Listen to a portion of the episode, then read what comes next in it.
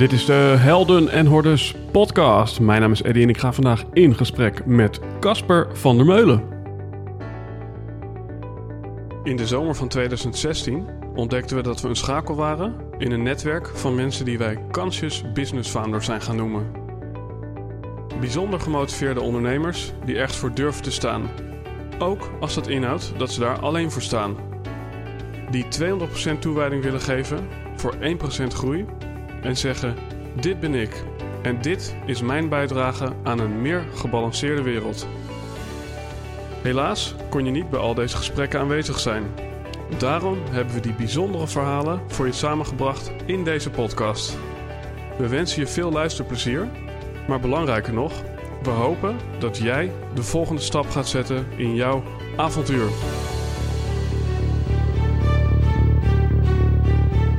Yes, ladies and gentlemen, in gesprek vandaag met Casper van der Meulen. Wie kent hem niet? Volgens mij een gast die ook in het buitenland nogal wat fans heeft. Zometeen dus een heel mooi genuanceerd, diepgaand gesprek met Casper. Voordat we dat doen, even een korte aankondiging, gewoon omdat het kan. Ik heb een quiz gemaakt waarin jij kunt ontdekken of jij ook buitengewoon binnenkomt met woorden. Je ziet mij vaak spelen met de titels van afleveringen. Ik geef vaak ook quotes en one-liners terug aan mijn gasten. En ik heb nu een quiz gemaakt, een woordwaardequiz, waarin jij kunt ontdekken of jij buitengewoon binnenkomt bij jouw ideale klant. Dus die quiz duurt minder dan vijf minuten. Daarna weet je of je copy not to copy is, welk archetype schrijver je bent, of jij koploper bent met kopregels en hoe goed jouw kernboodschap eigenlijk is.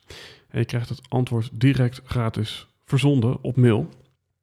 Dus check dat eventjes onder in de show note eddyboom.nl slash test. En dan gaan we nu naar Casper van der Meulen. Casper van der Meulen is biohacker en lifestyle avonturier. Hij heeft veel energie, focus en persoonlijke vrijheid. Zijn inzichten staan beschreven in zijn bestseller Mindlift, mentale fitness voor het moderne brein. En hij reist de hele wereld over om te spreken.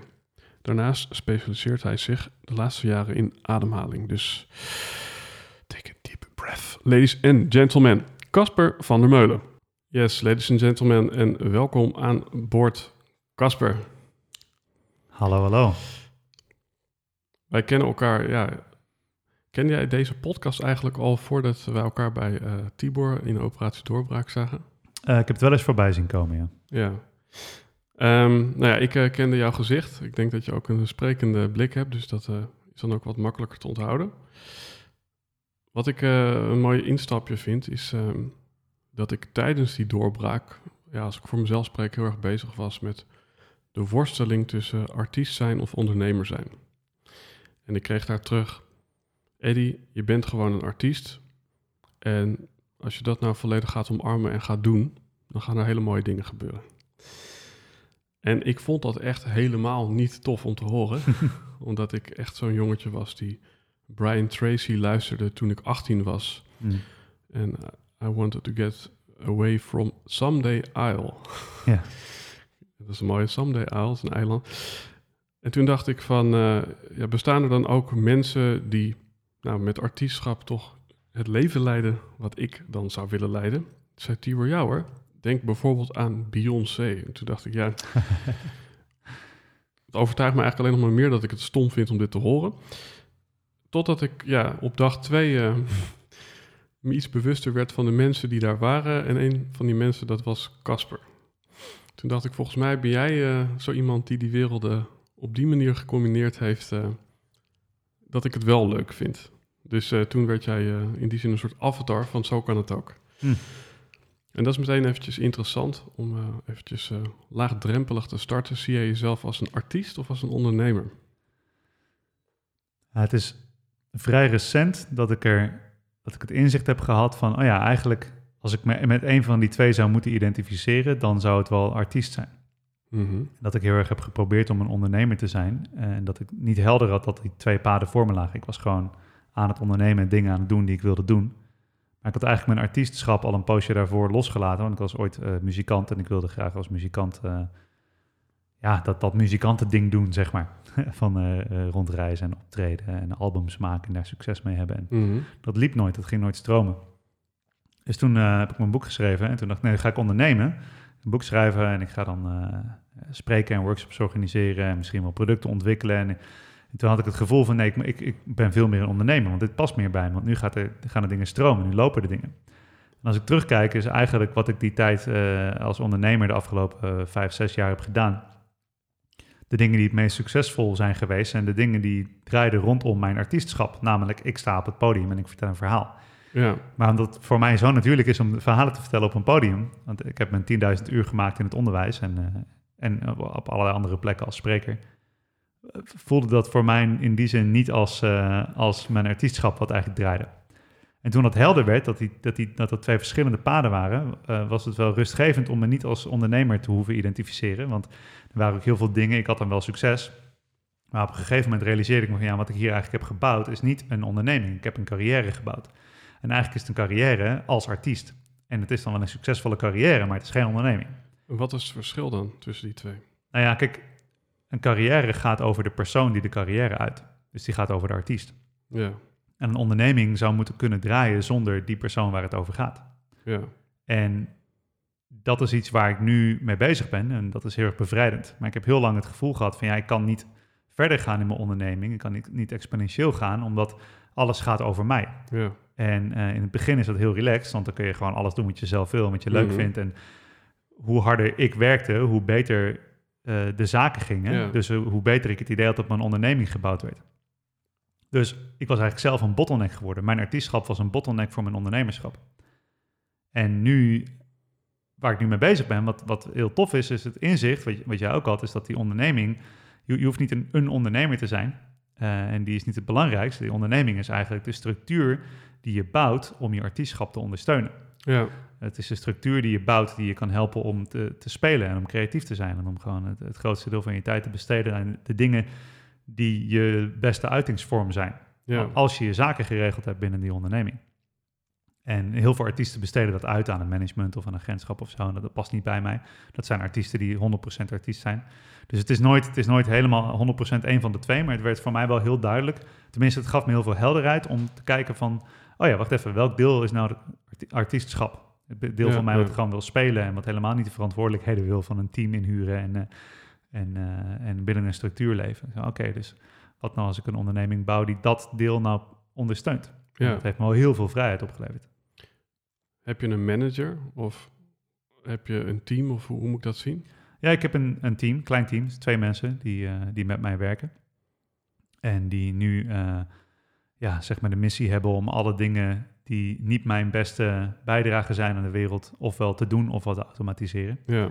En dat is wel echt een, eh, een gouden zet geweest. Ja, dat is echt heel fijn. Is er dan toch nog een, nou ja, een skill die je moet bezitten om ja, ervoor te kunnen zorgen dat je ja, een team en een systeem kunt bouwen rondom jouw artiestschap?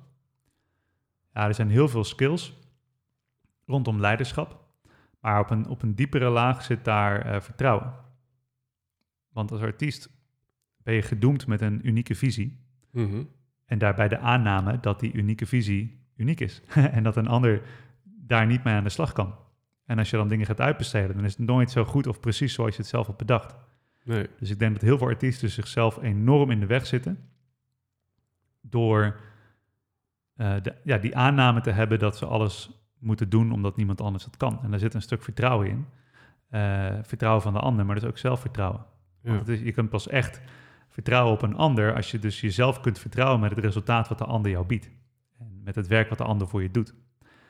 Uh, en uh, daar hè, zo aan, uh, on, nog een laag dieper dan vertrouwen is het veiligheid. Ja, dus, dus als je dat is een beetje een gekke, gekke vraag, maar welke vraag moet je dan eigenlijk stellen die misschien voorafgaand aan het kunnen loslaten of kunnen delegeren? Dus daar bedoel ik mee wat in me opkomt is, kan ik um, loslaten dat het anders wordt dan dat ik nu voor ogen heb? Is, is dat de vraag die je stelt?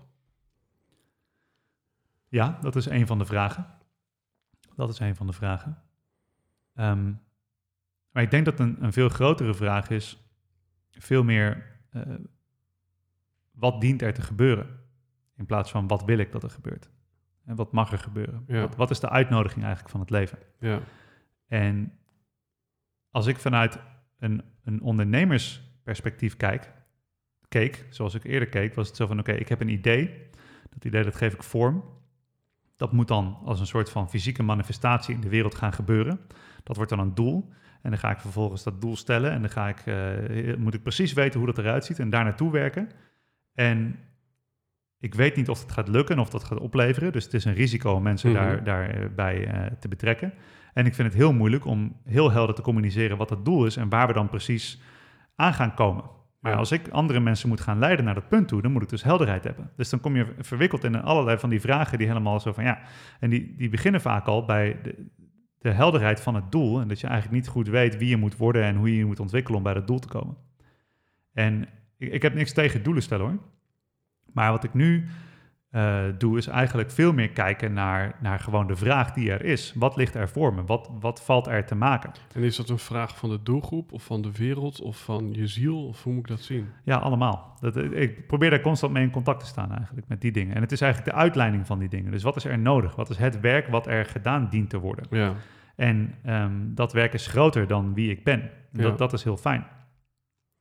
Ik kon, toen ik zeg maar nog echt uitvoerend artiest was, in, in, in, in die zin, uh, die, binnen die definitie als muzikant, was mijn favoriete ding om te doen was improviseren. Dus bijvoorbeeld last minute uitgenodigd worden om in een band te komen spelen, waarbij ik niet bij de repetitie kon zijn. En dan uh, meebewegen met, met dat hele gebeuren. Ja. En dan was het niet perfect, maar in relatie tot de hoeveelheid die ik geoefend had, was het, was het uitmuntend, omdat ik in een soort van flow terecht kwam. Dus het is een, dat is improvisatie. Dus je kijkt naar wat er is en dan, en dan gebruik je je vaardigheden en je ervaringen en je visie om met die omstandigheden te gaan dansen. Ja. En uit die dans ontstaat dan een kunstwerk en dat kunstwerk is dan wat het geworden is. En dat is heel erg mooi. En dus dat is improvisatie is de ene kant en de andere kant is intentie. En ik denk dat het een heel belangrijke... Uh, dat was voor mij echt een, een, een, nieuw inzicht waar ik 2020 mee inging. Grappig dat ik echt zo bezig was met uitschrijven wat voor mij belangrijk was. En het, mijn, mijn eerste zin voor mijn plan is het leven is een, een, een improvisatie.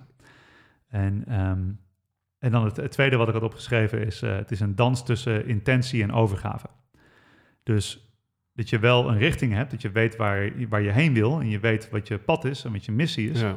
Maar dat je dus de acties onderneemt die binnen je controle liggen en dat Ja. ga, gewoon gaat doen, die acties gaat ondernemen en ondertussen loslaat hoe dat specifiek uiting krijgt in het leven en hoe mensen ja. daarop gaan reageren Ja. en wat het moet opleveren en al die dingen. Ja, en, en dit, dit vind ik ook een heel mooi thema. Ik heb hier ook al eens met een vriend van mij gezeten, Peter Maasdam. Hij is van kunstuitleen.nl, dat ken je misschien wel. Hij heeft een aantal, eh, de Amsterdam Art Center. Maar hij zegt, het probleem met perfectionisme is niet zozeer dat we het hebben, maar dat we het op microniveau toepassen in plaats van macroniveau. Dus ehm, inderdaad van, eh, je mag vrij specifiek definiëren eh, wat de richting is. Eh, alleen de weg er naartoe, ja, daar mag je eigenlijk dat perfectionisme weer loslaten. Ja, nou en weet je wat ik leuk vind, is dat dat soort perfectionisme is helemaal niet perfectionisme, dat is imperfectionisme.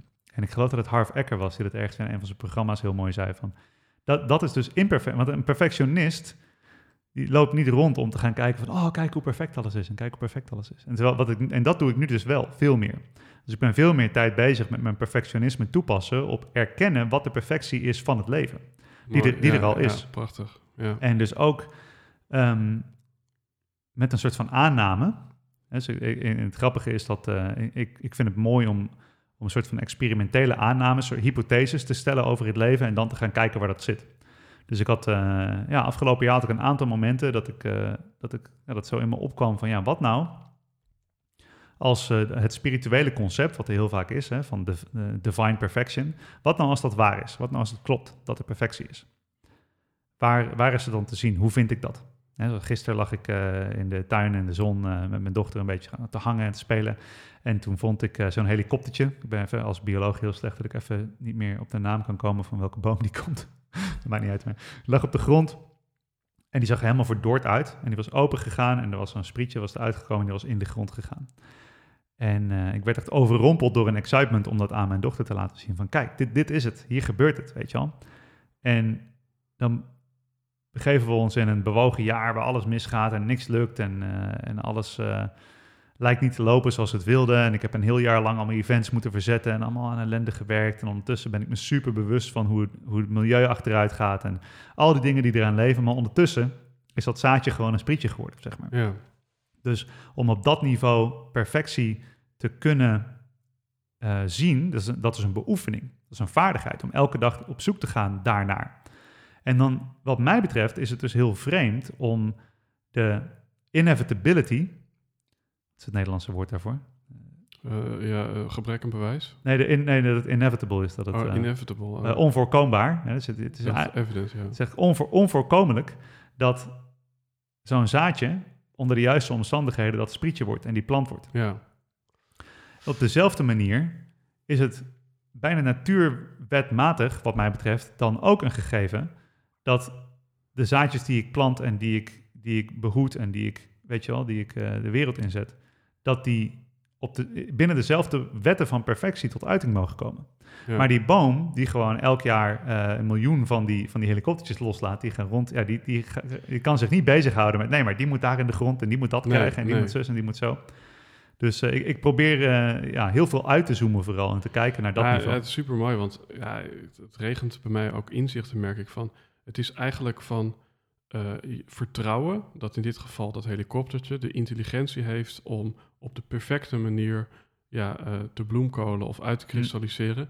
Mm. net zo als waar we begonnen, dat we ja, het vertrouwen mogen hebben dat een ander persoon ja, de perfectie heeft om precies te doen wat nodig is.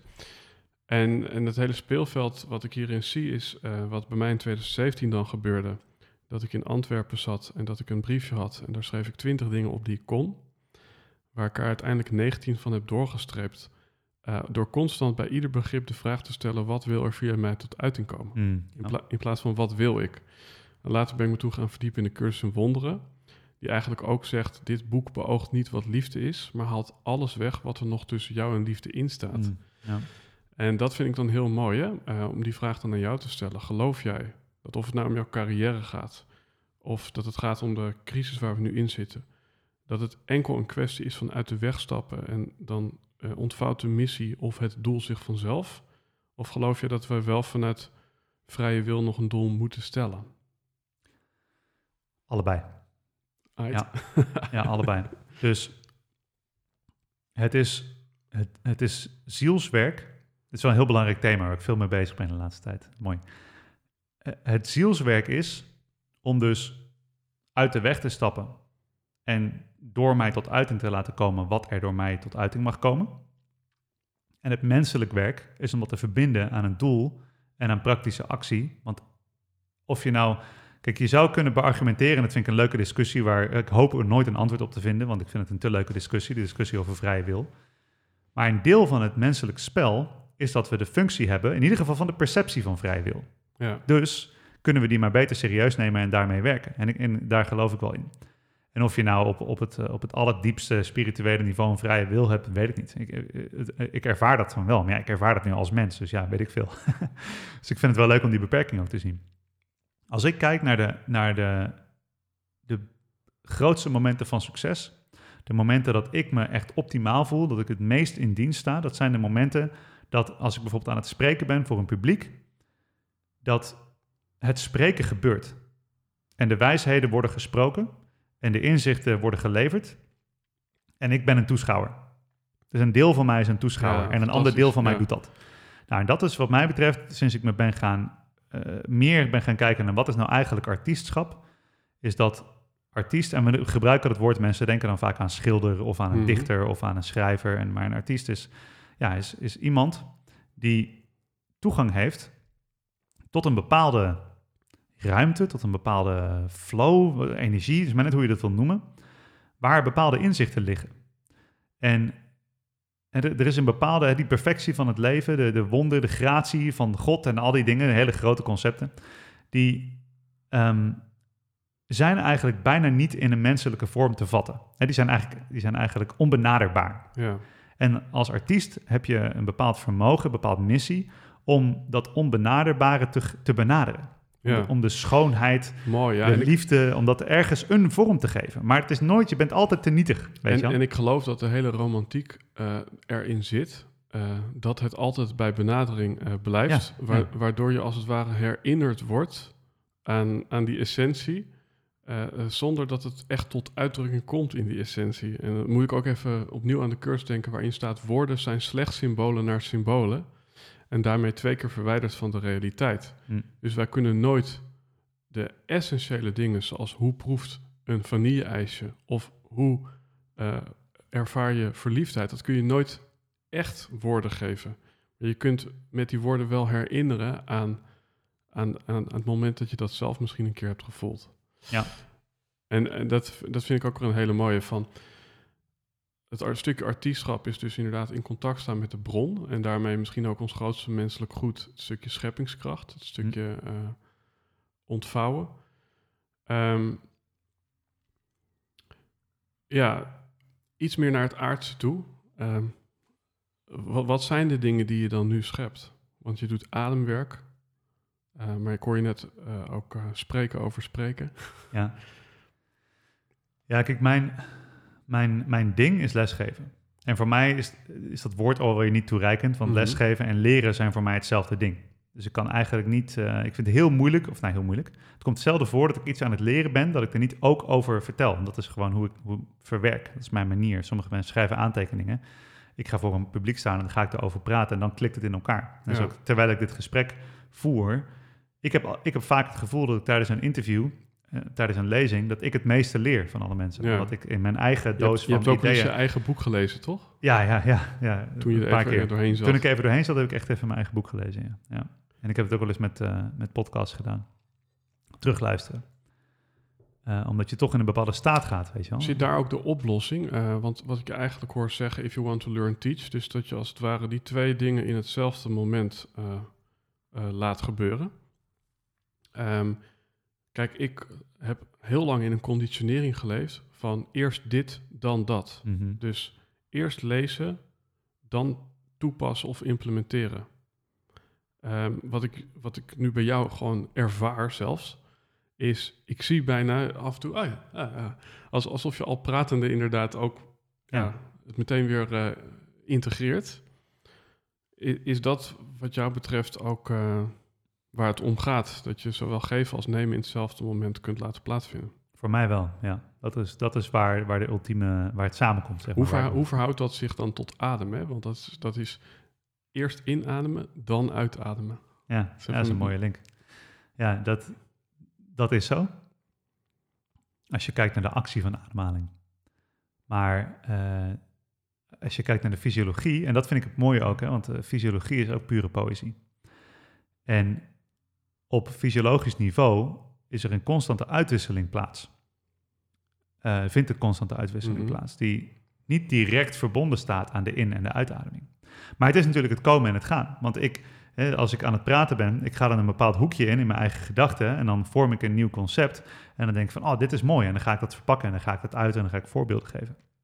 Dus het is inderdaad zo dat ik, uh, voor mij is communicatie is synthese. Dus het vormt terwijl ik ermee bezig ben. En in, in, in dat veld kan ik het beste leren. Dus ik heb ook vaak niet dat ik precies weet wat ik ga zeggen voordat ik begin met praten. En als ik dus gesprekken voer met mensen, die gewoon persoonlijk, die heel diep gaan, dan uh, hebben ze het gevoel dat ik een beetje flaky ben. Dat ik van mening verander terwijl ik aan het praten ben. Maar ik ben mijn mening aan het vormen door het praten. Dat is mijn, mijn middel. Ja. Terwijl andere mensen die bedenken eerst, het is eerst dit en dan dat. Dat is gewoon een andere dynamiek. Dat is een hele andere manier van, uh, van zijn. Maar ja, op dit moment, ik ben gewoon heel erg gefascineerd in ademhaling. Maar het grappige ook weer daarvan is dat dat is meer ontstaan vanuit de vraag. Van, van wat wordt er eigenlijk van me gevraagd? Want ik ben heel, heel breed georiënteerd en geïnteresseerd. Ik vind allerlei dingen leuk. Ik, mm. weet je, ik heb ook nooit één instrument kunnen kiezen. Ik speel, uh, ik wil altijd, altijd nieuwe instrumenten, zeven of acht instrumenten waar ik dan mee bezig ben. Ik ben altijd over verschillende onderwerpen aan het leren, nieuwe vaardigheden, weet je wel. Uh, moet ik weer een nieuw jongleertrucje leren. En dat zijn allemaal dingen die, die vanaf een afstandje lijken die heel erg willekeurig en lijkt op, op tijdverspilling. Um, tenminste, het lijkt op tijdverspilling als je daar uh, je beste tijd van je dag aan besteedt. Zo van ja, waarom zou je... Je kan ook gewoon achter je laptop zitten en e-mails beantwoorden. Nu Casper, doe niet zo raar, een beetje met jonge leerballen zitten spelen.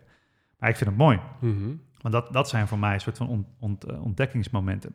Dus ik ben altijd heel breed georiënteerd. En ook als je, ja, Mindlift, mijn eerste boek, heb ik eigenlijk geschreven omdat ik niet één onderwerp kon kiezen. Mm -hmm. Dus ik dacht, dan moet ik al die onderwerpen, die moet ik nemen. En, uh, en als ik echt de wereld in wil kunnen gaan met al deze onderwerpen. Ik wil net zo makkelijk geboekt kunnen worden om te praten over uh, onderwijsinnovatie door creatieve uh, vormen van muziek, als dat ik uh, geboekt kan worden om voor atleten te spreken over je performance verbeteren met ademhaling. Twee onderwerpen waar ik heel erg in geïnteresseerd ben.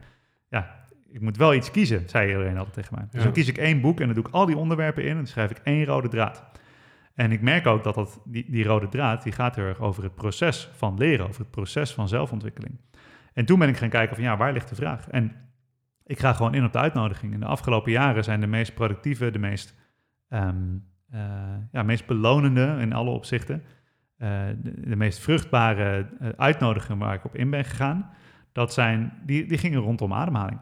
En, mhm. en ik had zelf zo'n vraag van waarom ademhaling? Wat, wat interessant.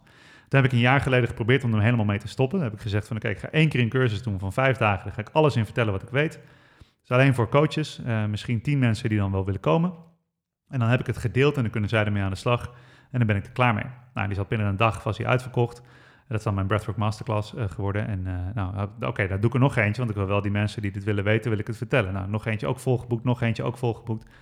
Toen dacht ik van, oké, weet je wat, dan doen we het andersom. Dan ga ik niet uh, de, nog één keer doen en dan ervan aflopen. Dan ga ik gewoon kijken wat er gebeurt als ik een jaar lang 100% daarop focus. Ja. En ik had nog steeds die vraag, waarom adem, weet je wel, waarom adem? Ja. En uh, nou goed, nu zitten we met een enorme long- uh, en ademepidemie. ja. Dus ergens klopt het wel voor, voor, zoiets van, oh ja, nou, misschien is dat wel deel van ja, die perfectie. On, on the long run klopt het. ja, precies. Ja, wel interessant, want ik hoor je, ik, ik, vang je eventjes, oké, dus dan kies je er vervolgens voor om daar een jaar mee aan de slag te gaan. Maar kun je inderdaad dat soort jaardoelen uh, stellen als blijkt dat je eigenlijk constant in dienst staat van dat wat er via jou tot uiting wil komen. Want ik kan me ook voorstellen dat halverwege dat jaar dat je dan toch weer ja, een andere ingeving krijgt. Dat is waar, ja, dat kan. Maar ik denk dat het een heel groot deel van ons creërend vermogen ligt ook in commitment. En er zijn er mensen die zeggen van het gaat allemaal om flow. En andere mensen zeggen nee, helemaal niet. Het gaat allemaal om, om structuur en creëren. En ze ja, met, als dat nou twee kanten van dezelfde munt zijn, dan wil je de hele tijd kunnen draaien tussen die twee kanten van de munt. Ja. En uh, commitment en het tegenkomen van enorme weerstanden en obstakels is wat mij betreft een belangrijk deel van het, uh, uh, het aannemen van die uitnodiging. Dus als ik merk van oké, de uitnodiging van het leven, om het maar even zo te zeggen, is nu dat ik bezig ga met ademwerk en dat ga verspreiden. En ik kom enorme obstakels tegen in mezelf. Hè, want het, kan, het zou kunnen dat ik opeens mijn interesse verlies. Het zou kunnen ja, wat zit er dan aan de, aan de basis van het verliezen van die interesse? Want best wel veel mensen die ik spreek, die zeggen van ja, ik vond het niet zo leuk meer. Ik zeg, maar is dat het echt? Of zit er ergens een persoonlijke weerstand, een bepaalde angst om in het licht te mhm. treden, of een bepaald gebrek aan vertrouwen in het leven, of, of, of het gevoel dat, uh, ja, dat, dat die hele missie die je dan aan hebt genomen, dat die te groot voor je is. Mhm. En mensen lopen daarop vast, omdat ze niet dat donkere hoekje ingaan.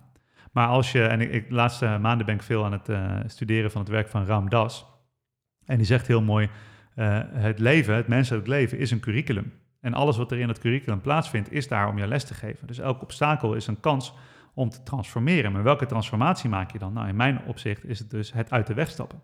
Dus alle delen van jou die weerstand ervaren, alle delen van je die geconditioneerd zijn op een bepaalde manier te geloven, als die geraakt worden, is dat een kans om daarvan weg te bewegen en dingen op dezelfde manier te blijven doen. En, en dus je, je soort van heilige zielsmissie van het leven weer te mhm. laten gaan. Of om te zeggen van oké, hier is dus iets in mij wat heel zwaar getriggerd wordt door het gaan uiten of gaan, gaan bewandelen van dit pad. En daar zit dus de uitnodiging of de uitdaging om het deel van mezelf wat die weerstand heeft te gaan verliezen en te gaan loslaten. En dat is eng, dat is heel mhm, lastig. Ja. En het leven heeft allerlei uitdagingen in petto en, en dat is juist waar het om gaat. Dus je stelt het doel en daar wil je heen en je hebt de intentie en je hebt de visie. Maar het pad daar naartoe, dat, dat is de hele dans. Weet je wel? Als je naar een bergtop toe gaat, dan is uh, met, met, het, met, de, met, die, uh, met de gondel is het minst interessant. Ik ga hier zitten, rechtlijnig. Het hele idee is juist, oké, hoe ga ik er komen? Ja. Het pad. Twee vragen die me opkomen. Eén, je had het over mindlift en daarin toch een rode draad ja, te zien, ondanks dat er allerlei uitingen zijn in de vorm van, van jouw scheppingskracht. Is dat een rode draad die door de jaren heen ook behoorlijk is veranderd? En dan zou je beter een, een rood elastiek kunnen noemen. of, of, uh, of is er echt heel duidelijk van, oké, Casper, als ik eigenlijk de afgelopen 10, 20 jaar pak, dan is eigenlijk gewoon de essentie altijd dit geweest? Dat is wel een hele goede vraag. Anders zou je hem ook niet stellen. Dat is Eddie Boom, dames en heren. Ehm, nou, ja, het grappige is dat ik de, het laatste jaar, of eigenlijk de laatste maanden, steeds meer begin te zien dat het eigenlijk altijd hetzelfde ding is. Ook omdat mijn persoonlijk werk me steeds dieper bij de kern van wie ik ben eh, heeft gebracht. En dat ik steeds meer zie van ja, eigenlijk uh, is, het, is het altijd over hetzelfde ding gegaan. Ehm, en dat is op een bepaalde manier in dienst treden van, van wat er nodig is eigenlijk. En dat is ook die rode draad die ik in Mindlift heb gevonden. Ik had een enorme mindmap van alle dingen waar ik over wilde schrijven. Mhm. En toen dacht ik, ja, hoe ga ik nou selecteren waar ik over ga schrijven? Toen dacht ik, oh, de dingen waarvan ik weet dat ik de mensen mee kan helpen. Ja. Dus ik heb die rode draad gecreëerd op een manier van, ja, al, al, die, al die verschillende losse dingen, die zijn op zichzelf niet behulpzaam als ik ze zomaar gewoon uh, beschrijf of vertel. Maar hoe kan ik ze nou zo vertalen dat iemand denkt, oh, daar heb ik wat aan. Oh, daar heb ik wat aan. Daar kan ik wat mee. dat was ook mijn werk als leraar, om daar... Uh, om, om, te kijken naar een saai natuurkundeboek en te denken, hoe kan ik nou zorgen dat, dat de mensen die dit gaan tot zich gaan nemen, verliefd worden op dit onderwerp? Door de manier waarop ik de liefde zie in het onderwerp. Ja. Dat is echt de kunst van het lesgeven voor mij. Dat is mooi. En uh, het, het, namelijk als ik eventjes intap op mijn intuïtie, dan, uh, dan is het beeld wat ik bij jou krijg, want ik, ik voel je van dat, dat stukje dienstbaarheid. Ik geloof ook dat het hele lichaamswerk en ademwerk, uh, mijn vriendin die gaat nu ook daarmee beginnen uh, ja, dat, dat, is echt iets van deze tijd. En tegelijkertijd, ja, daar zit die dienstbaarheid. Ja, heb ik bij jou toch ook altijd het gevoel van... zet Casper ergens in een kamer neer en hij vindt jong leerballen... en hij gaat zijn eigen... Weet je, bij, bij een soort van die beginners mind, het eeuwige kind... die, die eigenlijk altijd ook weer in zijn eigen cocon zit... en aan het spelen is in zijn eigen wereld. En, en hoe die kant zich dan verhoudt tot die dienstbaarheid, dat, dat vind ik een hele interessante paradox bij jou. Ja, dat is mooi. Ehm, ik denk dat als ik het één woord moet geven, wat mijn rode draad is in mijn leven, is het nieuwsgierigheid. Ja, eens. En nieuwsgierigheid is wat mij betreft de, de, ultieme, de ultieme kwaliteit om te ontwikkelen. Want in nieuwsgierigheid zit ook dankbaarheid. In nieuwsgierigheid zit ook gedrevenheid naar iets toe bewegen. Verwondering, ja. Verwondering. Ja. Ehm, en dus ook dienstbaarheid. Dat is een deel van nieuwsgierigheid. Ja, want het mooie is, we begonnen natuurlijk bij uh, artiesten. En nou ja, er zijn natuurlijk genoeg voorbeelden te noemen van werkelijke artiesten. En dan bedoel ik uh, zangers van bands en zo, die eigenlijk heel onaangepast zijn. En een enorme gebruiksaanwijzing hebben. En daarmee misschien, behalve dat ze hele mooie kunst maken, niet echt dienstbaar zijn aan de wereld. Ja, dat is waar. Maar er zit ook een andere kant andere kant in. Want uh, je, je kan ook overmatig willen dienstbaar zijn, overmatig aangepast. dat is wel iets wat ik in mijn jongere jaren heel erg heb geprobeerd. Dat ik echt, uh, uh, ja, iemand noemde het ooit, ik weet niet meer wie het was, maar een chameleon die zijn eigen kleur niet kent. Dat is heel erg bezig zijn. Dat is de, de pleaser mentaliteit die... Um, en vroeger vond ik het heel eng om erover te praten in podcasts en zo. En het grappige is dat hoe meer werk ik dit doe, dat bijna iedereen die in mijn veld, uh, dus ik werk nu voornamelijk met coaches en trainers en therapeuten en mensen die helpen. En bijna alle helpers hebben meer die kant van de, van de penning, dat ze dus over aangepast zijn. En bij twijfel bereid zijn om, om zichzelf te, aan te passen, op te offeren voor wat, de, wat er nodig is in de situatie. En het is een, een vorm van dienstbaarheid die eigenlijk niemand helpt. De valkuil van de leraar is dat hij zich profileert als coach. Stond ooit in een brief van Hemra hmm. van Tibor. Herken je die? Mooi. Dat herken ik wel, ja. Ja, want ik, uh, ik kan goed coachen. Ik, ik, train ook coaches. Maar van mezelf, als ik kijk naar wat, hoe, hoe zit ik archetypisch in elkaar, ik ben meer een leraar. Mhm. En um, ik denk dat dat ook een heel belangrijk proces is voor ondernemers, voor artiesten, om over na te denken van wat, wat, wat zijn de belangrijkste archetypes die, die echt bij mijn kern liggen? Ja. En welke mis ik en welke mag ik, uh, mag ik ontwikkelen? Ja, wat ik een beetje bij je voel is, je bent in die zin denk ik een leraar die mensen leert om het zichzelf te leren. Ja. En um, spelenderwijs het liefst. Um, ja, dat stukje speels, dat kan me voorstellen dat dat er uh, ja, in je kindertijd altijd zat. Ik weet niet of dat, of dat waar is. Um, was die dienstbaarheid er ook altijd al vanaf het begin? Of dat moment van uit de weg stappen, is dat echt een punt op de tijdlijn geweest? Ja, uit de weg stappen, dat is iets wat, wat nieuw is voor mij, waardoor ik eigenlijk veel meer, met veel meer vrede leef. Want eerder had ik de tegenovergestelde aanname van ik moet mezelf opwerpen. Mhm. en, daar zit een enorme leidensweg bij. Hè, die je ook bij, ziet bij activisten en die, of mensen die... Uh, ik bijvoorbeeld heel jong was ik me bewust van... Want ik was altijd een natuurnerd eigenlijk, altijd, altijd in geïnteresseerd. En uh, mijn moeder, een zeer wijze vrouw, over de hele wereld opgegroeid, um, uh, overal geleefd. En die maakte me heel erg bewust van onze invloed op, op onze omgeving, op onze aarde. Um, als, ik, als ik dan vroeger in een achtbaan wilde, zei ze, oh, vind je dat spannend? Ga maar eens naar Afrika een brug bouwen met oude stukken bamboe, omdat mensen anders geen medische zorg krijgen. Dat deed ik toen ik 16 was. Ik denk, wow. oh, of hoe oud was ze? 21. Weet je wel, en, en, niet, op, niet op een cynische manier hoor, maar dat ik er wel bewust van ben geweest dat de wereld een grote plek is. En dat we heel veel invloed hebben op, op onze directe omgeving. En dus al heel jong had ik besloten van ja, ik ga, ik ga de walvissen redden en ik ga de bomen, de regenwouden redden. En, uh, dus ik was al heel jong bezig met, uh, met met eigenlijk nadenken van hoe kan ik, ja. hoe kan ik helpen de wereld uh, te redden.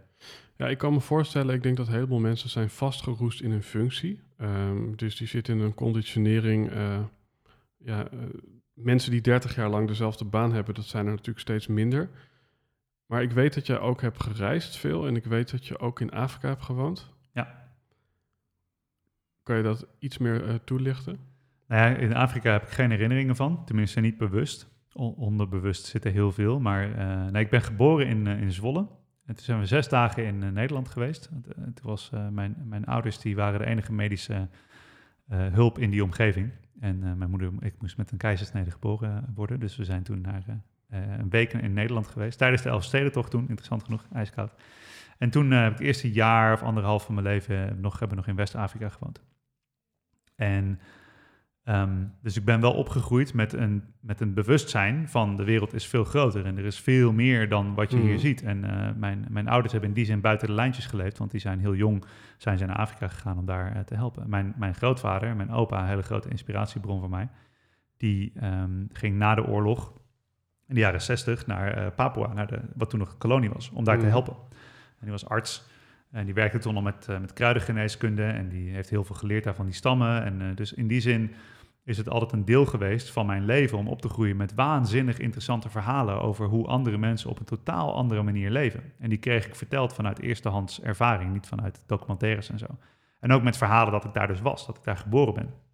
En hoewel ik daar geen heldere herinneringen van heb, is het wel heel vormend geweest om te weten, de wereld is een hele grote plek. Er zijn mensen die het, die het minder goed hebben. Uh, er zijn we, als je zo om je heen kijkt in Nederland is alles wel oké. Mhm. Maar er zijn plekken waar het heel anders is. En eh, we kunnen ervoor kiezen om daar gewoon heen te gaan en te gaan helpen. Dat soort dingen. Dus uh, ja, in die zin is dat eh, mijn wereldbeeld daar wel door gevormd. Denk je dat het stukje dienstbaarheid ook te maken heeft met het feit dat je veel hebt gereisd? Want ik kan me voorstellen, als je altijd op dezelfde plek bent, ja, dan heb je wellicht ook heel lang dezelfde functie. Maar als je steeds je moet aanpassen naar een andere omgeving of cultuur, uh, dat je dan ook telkens opnieuw de vraag moet stellen: uh, hoe pas ik het beste uh, in het ecosysteem? Dat is zo, dat is zo. Maar tegelijkertijd, ja, het, het, het, heeft ook iets pragmatisch. Ik hou er erg van om problemen op te lossen. Dat vind ik leuk, vind ik leuke puzzels. En ik, ik, heb een, ik heb een hele sterke drang naar een soort van soort van relentless forward movement in zekere zin. Het heeft me ook wel eens niet gediend dat ik gewoon echt over, mijn grenzen heen ging. Maar ik heb het gevoel dat, dat ja, we zijn maken als mens deel uit van een soort van evolutie constant. En op elk moment, op elke interactie, met wat dan ook, kun je iets toevoegen. Mhm. Je kan iets moois maken. je, kan, je, kan, alles kun je iets mooier maken. Als je over straat loopt, je kunt plastic oprapen, weet je wel. Als je de buschauffeur groet, kan je die op een manier groeten dat je die persoon een, een ietsjes fijnere dag geeft door de manier waarop je hem groet. En dat vind ik mooi. En hoe, ik vind... hoe denk je dat het komt? Hè? En dan citeer ik even Guido Weijers, die hier ook wel eens heeft gezeten. Uh, die heeft het begrip uitverveeld, volgens mij in de Vandalen gekregen, of net niet.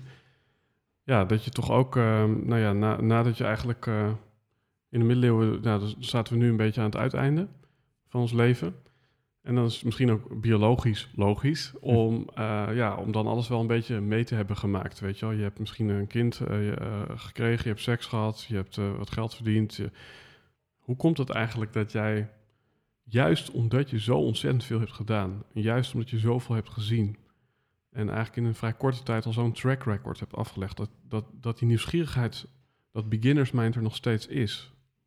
Nou, ik heb echt het gevoel dat ik echt, echt nog maar aan het begin sta. Ik heb het gevoel dat ik nog niet 1% mm van mijn potentie heb benut of heb gezien wat er te zien valt. En uh, ik denk dat wat heel belangrijk is in dat principe van beginner's mind, is dat die beginner's mind, die is er niet om van de beginner's mind af te komen.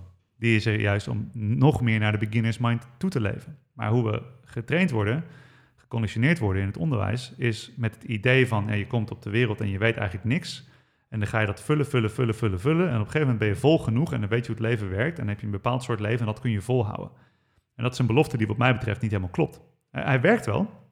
Als je kijkt naar de maatschappij waarvoor het onderwijssysteem is gemaakt, de maatschappij van, van productie en van consumptie, ehm, wat, wat, waar onze, wat voor onze ouders nog klopte, van ja, je komt gewoon hier, je mhm. weet eigenlijk niks, je bent eigenlijk niks waard, maar omdat je niks weet. kinderachtigheid is een heel, heel negatief iets, kinderlijkheid in zekere zin ook.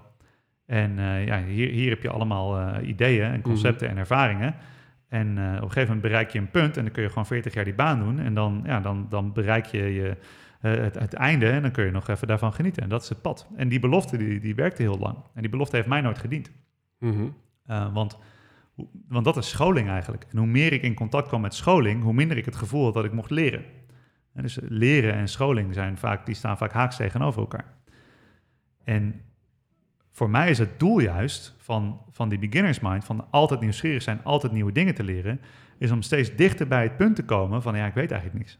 Ja. begrijp. En de eh, allerslimste mensen, en ik heb dan ja, de eer gehad om uh, in de afgelopen jaren wel een paar keer te mogen omringen met mensen die echt zo oneindig veel intelligenter zijn dan ja. ik. En iets wat al die soort van genieën met elkaar gemeen hebben, is dat ze zich ervan bewust zijn hoe weinig ze weten. Ja. Natuurlijk heel oud in alle filosofie, een heel oud begrip. Maar uh, en het is ook spannend. Maar dat is inderdaad ook wat je ziet van mensen die eigenlijk nooit in, in politiek uh, ja, uh, zich hebben verdiept. Die dan door de crisis in één keer voelen van hé, hey, het raakt mij nu ook. En dan gaan ze vanuit daar zich verdiepen. En ook meteen wellicht met spandoeken het veld op van de wereld moet anders, want dit klopt niet. Ja. En dat vind ik inderdaad interessant van the more we know, the more we know we don't know anything. Um, en waar kom je dan op uit? Uh, als je eigenlijk steeds meer dat onbeschreven blad wordt. Want, want, want dat hoor ik je eigenlijk zeggen. Ja, dan, ja, ik weet niet of je ergens uitkomt. Uh, want het hele doel is dus om niet te arriveren. Dat is niet eens een doel eigenlijk. Het proces is om niet te arriveren. Want het punt van arriveren is wat ons allemaal verkocht wordt. Eigenlijk alle marketing, alles wat je uh, uh, alle, alle dingen die iets van ons willen, die willen ons het idee verkopen dat we kunnen arriveren. Dan kom je op een punt en dan ben je in een, in een staat en dan ben je verlicht en dan blijf je daar. Dan ben je succesvol en dan blijf je daar. Dan ben je gelukkig, gezond, wat het dan ook is en dan blijf je daar. En we hebben het idee dat dat bestaat, want dat wordt ons verkocht. Dat is door zowel onderwijs, maatschappelijk, eh, marketing, reclames, gaat allemaal over een punt van arriveren. coming home for Christmas. ja, inderdaad. Ja. Thuiskomen vind ik wel een mooi onderwerp. Uh, ik zou bijna de poëtische vraag willen stellen: hoe kom je thuis als je altijd uh, onderweg bent? Door van onderweg je thuis te maken. Kijk. ja, en. en, en uh, Want er is een, een deel van jou wat nooit onderweg is. En dat, ja, dat, dat, ja. dat, wat gewoon is, wat gewoon bestaat. Ja, en, en, en uh, geef daar eens iets meer woorden aan, hoe, hoe je dat uh, voor de nou, luisteraar iets begrijpelijker maakt wellicht. Het is voor mij een relatief nieuw concept om over te spreken nog. Uh, maar dus, dus we hebben een, een heel groot deel van ons zijn is tijdelijk. Je zou mhm. kunnen stellen, alles is tijdelijk. Ligt eraan wat je opvatting is. Hè? Als je nihilistisch kijkt, dan is alles tijdelijk. Je bent er eventjes en dan ben je weer weg en dan klaar. Maar je zou ook kunnen zeggen van, oké, je hebt dus allerlei um, ervaringen. Je hebt gedachten, sensaties, je hebt emoties, gebeurtenissen. Er is van alles. En uh, het ene ding wat die allemaal met elkaar gemeen hebben, is dat ze komen en gaan. En hetzelfde geldt voor mensen. Voor eh, de, de, de mens die al die dingen ervaart, die is ook tijdelijk. Die komt en die gaat. En al die dingen zijn ook veranderlijk. Ze veranderen de hele tijd. Dat zijn een aantal eigenschappen die, die soort van alles wat we meemaken hebben. Het is veranderlijk. Het, komt, eh, het, komen, en het gaan is al veranderlijk in, in zichzelf. De manier waarop ze komen en gaan is ook nog veranderlijk. Maar dan is er een, een deel van jou wat het veranderlijke waarneemt. Of je zou kunnen zeggen waarbinnen het veranderlijke plaatsvindt. En dat is bijvoorbeeld, dat zou je kunnen noemen, je bewustzijn. Ja.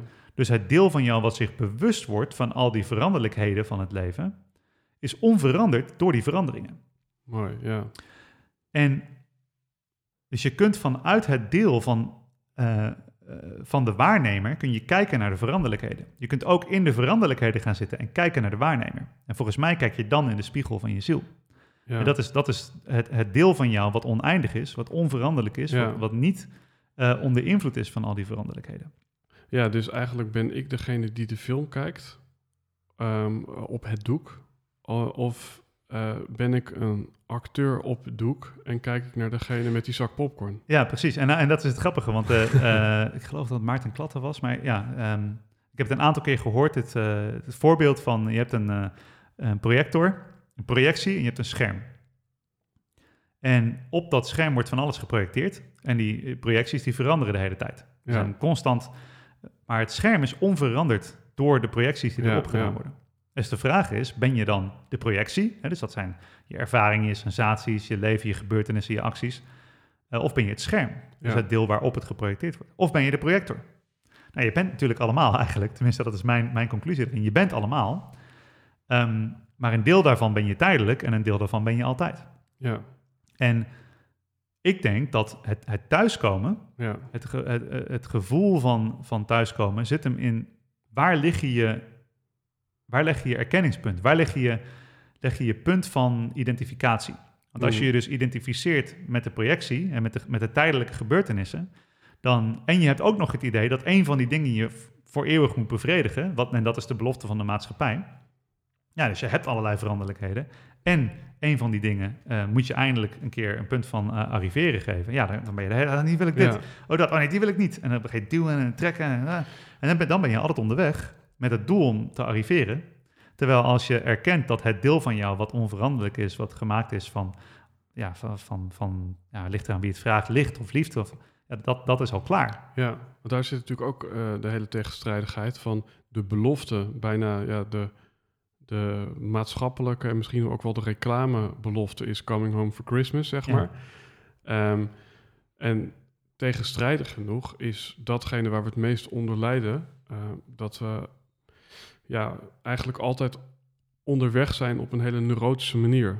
Uh, waar natuurlijk uh, het constant overprikkeld zijn de grootste ziekte is van deze tijd, denk ik. Wat doe jij er aan om.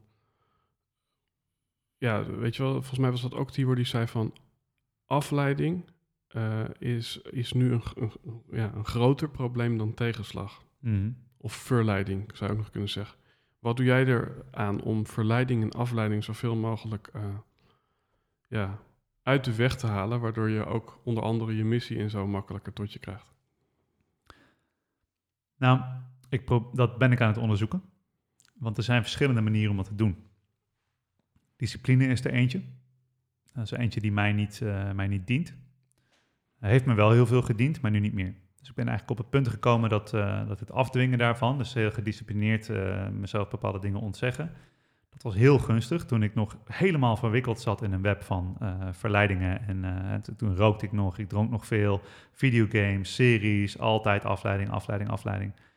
Um, toen was discipline voor mij het beste middel om, om daarvan weg te bewegen.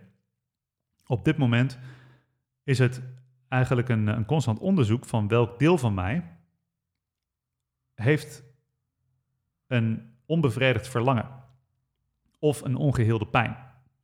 Want ik heb wel erkend dat die, dat, bijvoorbeeld toen ik, voor, toen ik nog veel, eh, ik, had, ik was 30 kilo te zwaar, ik rookte veel, ik was depressief, ik had allerlei klachten.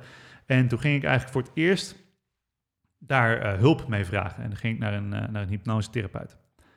En die uh, maakte mij heel erg duidelijk dat er een, een bepaald gesprek was dat ik nog moest voeren met mijn vader. Het was niet eens over een heel erg big deal of zo. Ik had altijd al een fijne relatie met mijn vader, dat was het punt helemaal niet. Maar het was meer dat ik me bewust van werd dat er ergens een ongeheelde pijn lag in een bepaald gesprek. Dat is gewoon één voorbeeld. En ik had het inzicht. En het was zo, wauw, oké, ja, inderdaad. Oh, dat is het ergens emotioneel. En toen, um, en voor die tijd had ik heel veel gepoogd om te stoppen met roken, afdwingen. Proberen af, en ik wilde afvallen, ik wilde minder wegen. En proberen, proberen, lukte niet, proberen, lukte niet. En dan had ik zo'n stukje in mezelf tegengekomen. Ik dacht van, oh ja, wat fijn eigenlijk. En het, het was verder ook helemaal geen moeilijk gesprek of zo. Of niks. Eh, ja, nou, het was gewoon een inzicht. Een momentje van heling. Mhm. Eigenlijk, ik had, het was zo, ja, voor mijn gevoel was het zo klein dat ik het niet merkte. En toen, twee maanden later, toen, uh, toen rookte ik gewoon minder. Gewoon Ja. drie kwart minder. En ik was wat afgevallen. En dat ik dacht, "Eh, wat is hier gebeurd? Ik heb helemaal niet, ik heb helemaal niet mezelf afgestraft. En Ja. ik heb helemaal niet boos tegen mezelf gedaan. Ik heb helemaal geen discipline gebruikt. Ja, Maar ik heb een stukje van mezelf geheeld. en daarin hebben we het eerder gehad over nieuwsgierigheid. Maar wat ik hier eigenlijk beluister is je nieuwsgierigheid werd groter dan je angst. Zekere zin wel, ja. Ja, Ja. En dat is ook, ik heb, dat is ook een, een, een eh, spanningsveld waar ik heel veel van mijn leven in heb gezeten. Want ik heb ook heel veel met, met, met angst, wat ze nu anxiety noemen, heb ik eh, geleefd. En eh, ik, ik weet hoe dat is. Mhm. En ik weet ook gewoon dat het niet de moeite waard is, waard is om, om daarin te leven, om daaraan vast te houden. nee. Dus het is weer datzelfde punt wat ik eerder zei. Welk deel van mij voelt zich onvoldaan? Welk deel van mij Ja. voelt zich incompleet? En hoe kan ik ofwel dat deel van mij loslaten, die hele identificatie loslaten, of het juist helemaal omarmen en, hele, en deel maken van mezelf, Ja. waardoor dat deel van mij niet meer die behoefte heeft. Ja, ik vind het wel, dat is even een advocaat van de duivel dit, maar ehm, eigenlijk hoor ik er ook weer het bestuderen. Dus daar zit ook, Ja. weer, ook weer het leren en eh, in.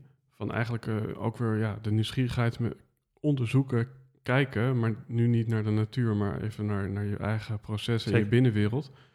En toch kan ik me voorstellen dat die reptiele krachten, die krokodillenkrachten in jou worden, dat die misschien toch ja, vaak nog sterker zijn dan die nieuwsgierigheid. Dus ehm, het verlangen naar een hamburger of naar een sigaret of om ja, gewoon eventjes alles te laten vieren, is wellicht nog een sterkere kracht dan de kracht om eventjes te gaan onderzoeken wat er eigenlijk in je speelt en geheeld moet worden. Ja, maar en dan moet die ook gewoon lekker geuit worden, die kracht. Ja? Maar je, kunt wel, je hebt wel keuzes in de kwaliteit van de manier waarop je die uit en of het je dient. En daarom is het, want die, die, die reptiele kracht die moet helemaal niet weg. Die moeten we juist omarmen. Die moeten we leren om, om te temmen, zo gezegd. Dus ik heb al jarenlang in mijn workshops, ook met de ijsbaden en met dat soort dingen, en we doen best wat heftige dingen met retreats. Ja, dan is het een beetje zo van eh, de, de olifant en, eh, en, en degene die de olifant bestuurt. Want je hebt het enorme krachtige wezen in je, maar wie, is in charge? Mhm. Nou, en ik denk dat daarin ehm, het vooral de oefening zit in een, een moment van bewustzijn creëren voordat je dat beest loslaat. Dus dat je zelf besluit wanneer dat gebeurt. Zodat het niet reactief is. En dus als er iets is wat je raakt. Dus bijvoorbeeld, eh, je hebt het gevoel, je, je hebt een soort van een aanname van, oh ja, soms dan wil ik gewoon even los, gewoon lekker, en dan ga ik gewoon even vijf biertjes drinken en een paar peuken ropen, eh, roken. En dan heel hard tegen een scherm met eh, voetbal schreeuwen. Gewoon lekker. Mhm. Ja, dat, vind, dat hoort gewoon. Mag toch? Moet toch soms kunnen? Nou, in principe wel. Maar op welke momenten ontstaat die behoefte? Is dat, zijn dat de momenten dat je eh, aan het einde van de week weer een paar uur over je tijd heen bent gegaan, weer iets te veel gezeik hebt geaccepteerd van je baas en vervolgens moet je dat uiten op die manier? Denk je dat die behoefte altijd verdwijnt op het moment dat je dat onderzoek doet? Nou, dat is dus het leuke, niet altijd. Nee. Maar dan kun je dus die keuze maken. En dus bijvoorbeeld mensen die mij vragen van... Casper, eh, stoppen met roken, hoe doe je dat? Heb je tips? Dan zeg ik, nou, ga eerst eens bewust roken. En helemaal niet meteen stoppen met roken. Je moet eerst begrijpen hoe dat roken werkt. Dus als je merkt van, hé, hey, ik wil die sigaret... Ja. Dat is maar één voorbeeld, hè, maar ik wil die sigaret... Dan ga je dus die vraag stellen met nieuwsgierigheid. Hé, hey, wat interessant, ik wil een sigaret. In plaats van, nee, ik mag niet. Nee, dat is stom. Nee, dat is stout. Nee, kanker. Nee, dit. Oh, mijn angst. Nee, want als je stopt uit de angst om kanker te krijgen... Dan ben je alsnog bezig met, met eh, vanuit angst bewegen. Ja. Maar als je vanuit nieuwsgierigheid beweegt, dan zeg je: hé, hey, wat interessant, ik wil een sigaret. Ik weet dat het niet goed voor me is. Ik weet dat ik er ziek van word, maar blijkbaar betekent dat niks voor me. Dan kan je onderzoeken: Mhm. hè, betekent dat iets voor me? Nou, eigenlijk helemaal niet. Ik voel daar helemaal niks van. Dat ik over 30 jaar een verhoogde kans heb op longkanker. Dat betekent niks. Interessant. Oké. Wat zit er dan nog meer? En als je dan met nieuwsgierigheid kunt kijken van, oké, wa- wat gaat, waar, welke behoefte heb ik, waarvan ik nu denk dat deze sigaret, ergens voel ik dat die sigaret dat voor mij gaat invullen. Dan kun je daarna alsnog die sigaret roken. Maar dan ga je wel weer met nieuwsgierigheid waarnemen. Oké, cool, nou, ga ik gewoon die sigaret roken en dan ga ik kijken, oh ja, wacht even. Ik voel me inderdaad rustiger, wat relaxed. Nou, er is een, een deel van me is nu ontspannen geraakt en voel me even bevredigd. Ah, boeiend. Nou, interessant, oké. En dan eh, tien minuten later nog een keer checken van... oké, en hoe is het nu, wat is er bewogen, wat is er veranderd? Ja. En dan ga je dus heel erg bewust roken en dan ga je een patroon herkennen. En dan ga je zien wat die sigaret jou biedt. En hetzelfde geldt voor, voor social media. Het is inderdaad heel, eh, denk ik, belangrijk om op bepaalde momenten die telefoon weg te leggen. En, en gewoon uit te zetten en offline te zijn. Ja. De laatste maanden heb ik echt dat ik één dag per week, of in ieder geval een weekend of twee weekenden per maand, even helemaal weg ben van social media. Dat is voor mij heel belangrijk. Maar de eerste paar keer dat ik dat deed, had ik een enorme onrust in me op het moment dat ik niet op de telefoon keek. Want ik was, aan de ene kant zou je kunnen zeggen, ik ben het gewend. Maar je kan dus ook vragen van wat, welk verlangen aan de kern beweegt mij om, om iets te krijgen van die social media. Nou, en als je bijvoorbeeld een hele sterke behoefte hebt aan uh, veiligheid, zoals voor veel mensen het geval is, ja. en je voelt je in je dagelijks leven onveilig, en een volstrekt ontoereikende, maar aangeleerde strategie is om te checken hoe je sociale omgeving in elkaar zit. Ja, dat is dat oerbrein. Mm. Want ja, als je kijkt dat we gevormd zijn in stammen van 100 tot 150 mensen, dan is op de hoogte zijn van je sociale omgeving is absoluut essentieel. Roddelen is een van de beste dingen die je dan kan doen, want dat betekent dat je weet wat er gebeurt. Want als de vrouw van de stamhoofd vreemd gaat, nou, dan staat de hele, of de man, of weet ik veel, dan staat het, de hele stam staat opeens uh, ter sprake, is, is in gevaar. Dus dat moet je weten. Ja. Dus als je je onveilig voelt en je wil checken, ben ik sociaal veilig? Ja, dan is het natuurlijk een hele fijne strategie om dat duizend keer per dag te kunnen checken op je telefoon. Ja. Eh, op de automatische piloot. Maar het is veel interessanter om te onderzoeken wanneer was ik in mijn leven sociaal onveilig, waardoor ik me nu nog steeds sociaal onveilig voel, en dat ik dat zoek in die telefoon. En als je dat oplost, dan is die onveiligheid weg. Ja. Het is eigenlijk het speelveld tussen verleiding en verlangen. Um, en dat vind ik ook een mooie, uh, omdat hij een beetje allitereert. Ja, ik kan me voorstellen dat dat, dat, dat, dat... Ik heb een woord voor dit jaar en dat is levenskunst. Hmm. Ik uh, keek Karate Kid en toen wist ik, uh, dit, dit is mijn woord voor dit jaar. Ik heb eigenlijk altijd één woord per jaar. Um, ja, ik denk dat dat levenskunst is. Weten van, heb ik nu honger? Of uh, heb ik een sugar crush?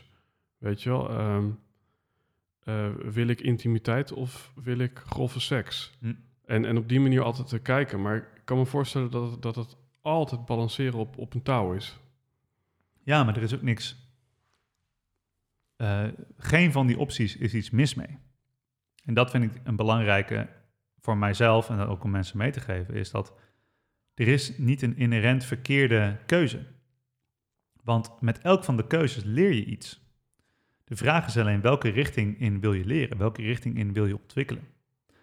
Dus als je op zo'n, op zo'n tweesprong staat, kunt gewoon iets kiezen. Mhm. als, je, als je de keuze maar maakt. Weet je wel?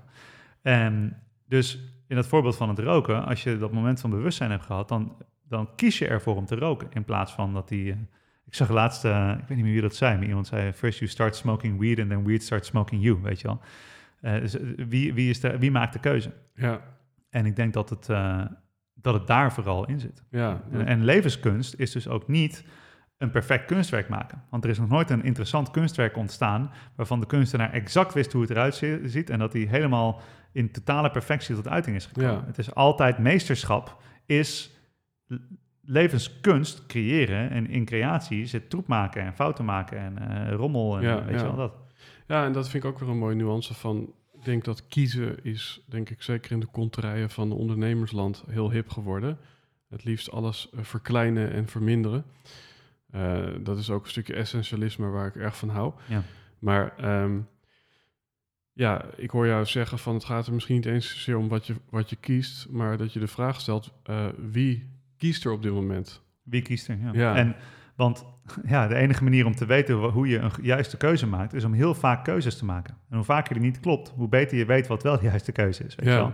En dus als je in een soort van uh, analysis paralysis terechtkomt en je, je blijft hangen in, in actie, omdat je geen keuze maakt, dan leer je dus ook nooit een keuze te maken. Nee. Dus als je vanuit nieuwsgierigheid kijkt, dan zie je dat eigenlijk alles is een vaardigheid wat je kunt ontwikkelen. En elke, elk punt van keuze kun je zien als een stressvol moment, want je moet het juiste ding doen. Of je kan het zien als een, als een exciting moment, want je gaat weer beter leren om te kiezen. Nou, dat is een lastig perspectief om te hebben. Ja. uh, maar het is wel het is een kwestie van oefenen. En dat is denk ik ultra hip uh, in deze tijd, want ik, ik denk dat we ik zeg wel eens, uh, een mens krijgt evenveel prikkels op een dag dan iemand in de middeleeuwen in zijn hele leven kreeg. Mhm. En uh, ja, we hebben veel meer mogelijkheden. Ja, dat is natuurlijk allemaal relatief, want er worden ook steeds meer beperkingen van bovenaf af opgelegd, lijkt ja. wel. Ja, wat, wat, wat zou je mensen uh, willen meegeven als het gaat om kiezen in een wereld met te veel keuzemogelijkheid?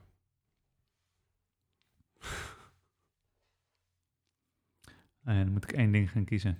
om te zeggen. Ja, daar ga je al. Daar ga ik al. ja, ik denk um, het belangrijkste is om te kiezen. En om niet te veel na te denken over alle opties. Want je, je kiest altijd één ding. Ja. En, en, en, en, het leuke, het gegeven van kiezen is dat het, je kiest alle andere dingen niet. En dat is altijd zo. Ja. Wat je ook kiest, je kiest alle andere dingen niet. Wat wel fijn is, is dat er bestaat zoiets ingebouwd in ons. Dat heet uh, de decision bias. En er zijn wel hele leuke onderzoeken naar gedaan dat mensen mochten kiezen uit, uh, uit verschillende schilderijen. En dan uh, hadden ze een aantal keuzes waar ze eigenlijk al eerder van hadden van aangegeven dat ze die niet wilden. Maar nadat ze gekozen hadden, gingen ze dan toch allerlei redenen bedenken waardoor, waardoor het toch een goede keuze was. Weet je wel? Dat je nieuwe schoenen koopt en dat je eigenlijk twijfelde en dat Cognitieve dissonantie, is dat het niet? Cognitieve dissonantie, dat is, dat is... Nou, dit is, niet, dit, dit is meer een... Um, confirmation bias eigenlijk. Ja. Ja, en, en dan is, heb je dat een confirmation richting wat je al gekozen hebt, wat je, wat je ervoor kiest om te geloven eigenlijk. En um, die biases die zijn heel interessant, want die brengen een bepaalde, bepaalde bescherming in. Ja, ik zei, uh, um, ik zit nu bij, uh, ik heb al eerder Ram Dass gequote, maar die heeft een heel mooi ding dat hij zegt als mensen hem vragen, moet ik nou wel trouwen of moet ik nou niet trouwen? En dat hij zei van een, uh, van, vanuit een spiritueel perspectief maakt het helemaal niet uit. Want als je wel kiest om te trouwen, is het deel van jou uh, wat niet wilde trouwen, die wordt getriggerd. En dan mag je daarmee gaan werken en dat gaan loslaten en daarvan leren. En andersom, andersom. Weet je wel? Dus welke keuze, keuze je ook maakt, um, als je uitzoomt in het grotere perspectief, ga je iets leren. En als je dus leeft vanuit nieuwsgierigheid, als je basisaanname is, ik ben in het leven om te leren, om het te ontwikkelen, dan is elke keuze ja, die heeft weer. En je weet toch niet wat gaat gebeuren. Ja, maar ik kan me ook voorstellen dat er een stukje nihilisme optreedt. Van oké, het maakt eigenlijk niet meer uit wat ik kies. Uh, ja, doelen stellen, daar hebben we het ook al over gehad. Dus misschien dan in de meest concrete zin van het woord ook niet zo belangrijk. Um, ja, eigenlijk uh, alles weten is niet haalbaar. En wat we in de praktijk zien is dat mensen eigenlijk steeds minder weten naarmate ze meer weten. Ik kan me ook voorstellen dat dat, dat, dat resulteert in, uh, in toch weer die zak chips op de bank en uh, aju. Dat zou kunnen, ja. Dat ja. zou kunnen. En het is interessant om dat te gaan doen en kijken wat het je oplevert. Ja. weet je, dat is het. Uh, prima, weet je wel. Probeer het maar. En, en, kijk om je heen en kijk of het, het, of het een leven is waar je, waar je enthousiast van wordt en waar je blij van wordt. En als het zo is, ja, ik heb daar verder geen oordeel over. Kijk, die zak chips op de bank, dat is een, dat is een soort, van, uh, soort van toonbeeld geworden voor ja, wat je eigenlijk niet zou moeten willen doen. Ja. Maar ik heb daar verder niet zo'n oordeel. Ik heb het een poosje gedaan en I ain't going back to jail. Ik ga, ja, ik ga dat niet nog een keer doen. Ik weet wat het mij heeft opgeleverd. Um, dus het is een, ja, een bepaalde soort zingeving. En als je dus nihilistisch kijkt, niks maakt uit, um, dan zou je kunnen zeggen, dan maakt dus ook alles uit. Dus als je, dat ja, zijn ja. twee kanten van dezelfde penning. Wat, um, wat, wat, was het woord voor jou dit jaar of, of, of het thema? Want net had het over 2020.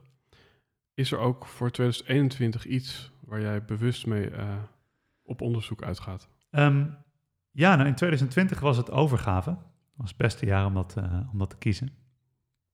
En um, daar zit ik eigenlijk nog wel, daar zit ik eigenlijk nog wel in.